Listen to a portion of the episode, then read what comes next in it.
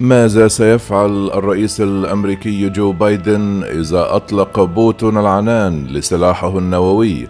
الخبراء يقولون إن الرد النووي غير مرجح لكنه ليس مستحيلا.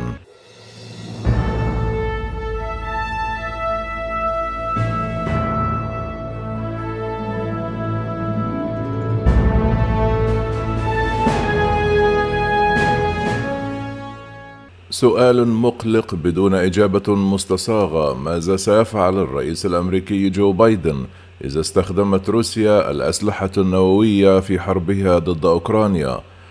قال مسؤولون حكوميون حاليون وسابقون الذين تم إطلاعهم على هذه القضية بأن هذا ليس جديدا على إدارة بايدن. في الواقع عندما أجرت إدارة أوباما لعبة تحاكي استخدام روسيا للأسلحة النووية في دول البلطيق. كانت هناك خلافات جوهرية حول كيفية الرد. يقول مسؤول المخابرات الأمريكية أنهم لم يروا أي مؤشرات على أن الرئيس الروسي فلاديمير بوتون مستعد لاستخدام ما يسمى بالأسلحة النووية في ساحة المعركة. لكن العديد من النسخ من العقيدة العسكرية الروسية المنشورة منها عام 2000 تصورت أول استخدام للأسلحة النووية ردا على تهديد تقليدي في حرب إقليمية ويقول خبراء عسكريون أن أصغر الرؤوس الحربية الروسية لديها أضعاف القوى التفجيرية للقنابل التي ألقيت على هيروشيما وناكازاكي. ومع استمرار الولايات المتحدة الأمريكية في إرسال أسلحة أكثر تطورا من أي وقت مضى مصممة لمساعدة أوكرانيا على تدمير القوات الروسية أخبر المسؤولون شبكة NBC News الأمريكية أن إدارة بايدن كانت تفكر منذ أشهر فيما لا يمكن تصوره حول ما يمكن أن يفعله بوتين وسيناريوهات الحرب التي تتصور روسيا تستخدم قنبلة نووية على أوكرانيا. قال مدير المخابرات المركزية الأمريكية ويليام بيرنز الشهر الماضي نحن لا نرى أي أدلة عملية في هذه المرحلة على التخطيط الروسي لنشر أو حتى الاستخدام المحتمل للأسلحة النووية التكتيكية. لكنه أضاف بالنظر إلى هذا النوع من الإنذارات التي سمعنا من القيادة الروسية لا يمكننا الاستخفاف بهذه الاحتمالات. تقول شبكة إن بي سي أن الرد الأمريكي سيعتمد بشكل كبير على كيفية استخدام الروس للسلاح النووي كما قال أحد المسؤولون الأمريكيون الذين يطلعون بانتظام على مداولات الحكومة الأمريكية ولم تذكر الشبكة اسم المسؤول. وبحسب الشبكة فإن الخيارات الأمريكية تمتد بين زيادة العقوبات وتسليح الأوكرانيين مع بناء تحالف دولي ضد روسيا يعزل البلاد تماما. إلى شن هجوم عسكري تقليدي على القوات الروسية في أوكرانيا أو روسيا أو الرد بهجوم نووي. وإذا لم تضرب روسيا إحدى دول حلف شمال الأطلسي فلن يكون على الولايات المتحدة أي التزام بالرد. قال بعض المسؤولون العسكريون والاستخباراتيين لشبكة إن بي سي نيوز أنهم يعتقدون أنه من غير مرجح أن ترد الولايات المتحدة عسكريا. بعد استخدام روسي واحد لما يسمى بالسلاح النووي التكتيكي في أوكرانيا.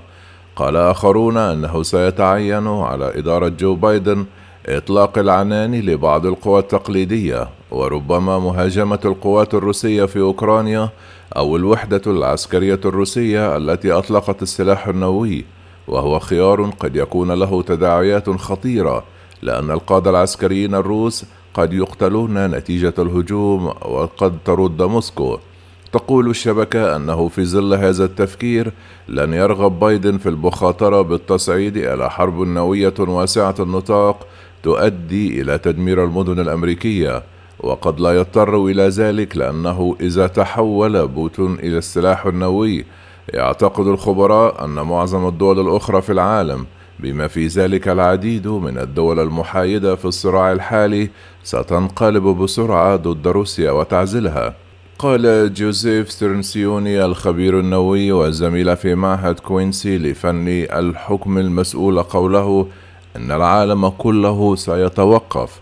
وقال مسؤولون الأمن القومي الأمريكيون والغربيون لشبكة إن بي سي نيوز أنه لم تكن هناك أي علامة على أن روسيا نقلت أسلحة نووية تكتيكية من منشآت التخزين.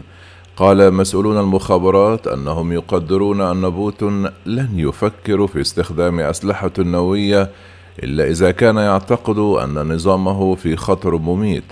لكن مسؤولين أمريكيون اثنين نقل عن تقييمات المخابرات الأمريكية يقولان أن البعض في الدائرة المقربة من بوتين شجعوه على اختبار سلاح نووي كاستعراض للقوة خلال اللحظات التي كانت فيها قواته التقليدية تعاني في أوكرانيا.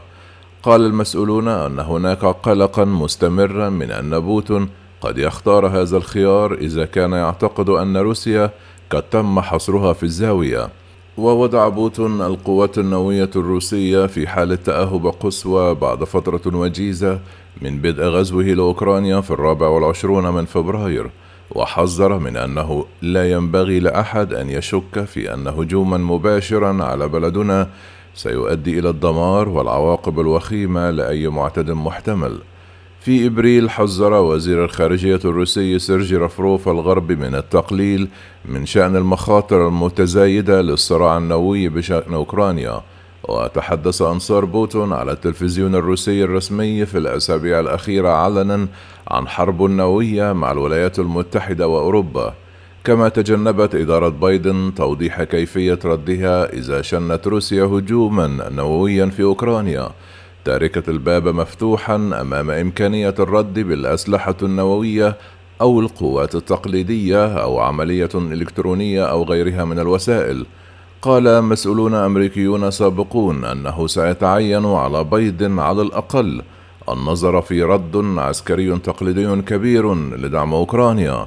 يقول جيفري إدمونز الخبير في الجيش الروسي في مركز أبحاث شبكة سي إن إيه أن هناك أربعة سيناريوهات محتملة للرد اثنان منها فقط معقولان وهذه الخيارات هي الاستسلام ومحاولة تحقيق السلام أو الحفاظ على المسار مع العقوبات والضغط أو شن هجوما تقليديا لمعاقبة روسيا أو الرد بهجوم نووي على روسيا. يعتقد إدمونز أن الخيارات الحقيقية هي إما البقاء على المسار أو الهجوم التقليدي. قال مسؤولون سابقون أن سجل إدارة بايدن الحافل حتى الآن يشير إلى أنها ستتحرك بحذر بالتشاور مع حلفائها الأوروبيين وستسعى لتجنب إغراق العالم في حريق نووي. واجهت الإدارة انتقادات بأنها تحركت ببطء شديد لإرسال أسلحة متطورة إلى أوكرانيا. لكن مؤيدي البيت الأبيض يقولون أن الإدارة ركزت على تجنب الإجراءات التي يمكن أن تؤدي إلى تصعيد الأزمة إلى صدام مباشر بين روسيا والولايات المتحدة الأمريكية.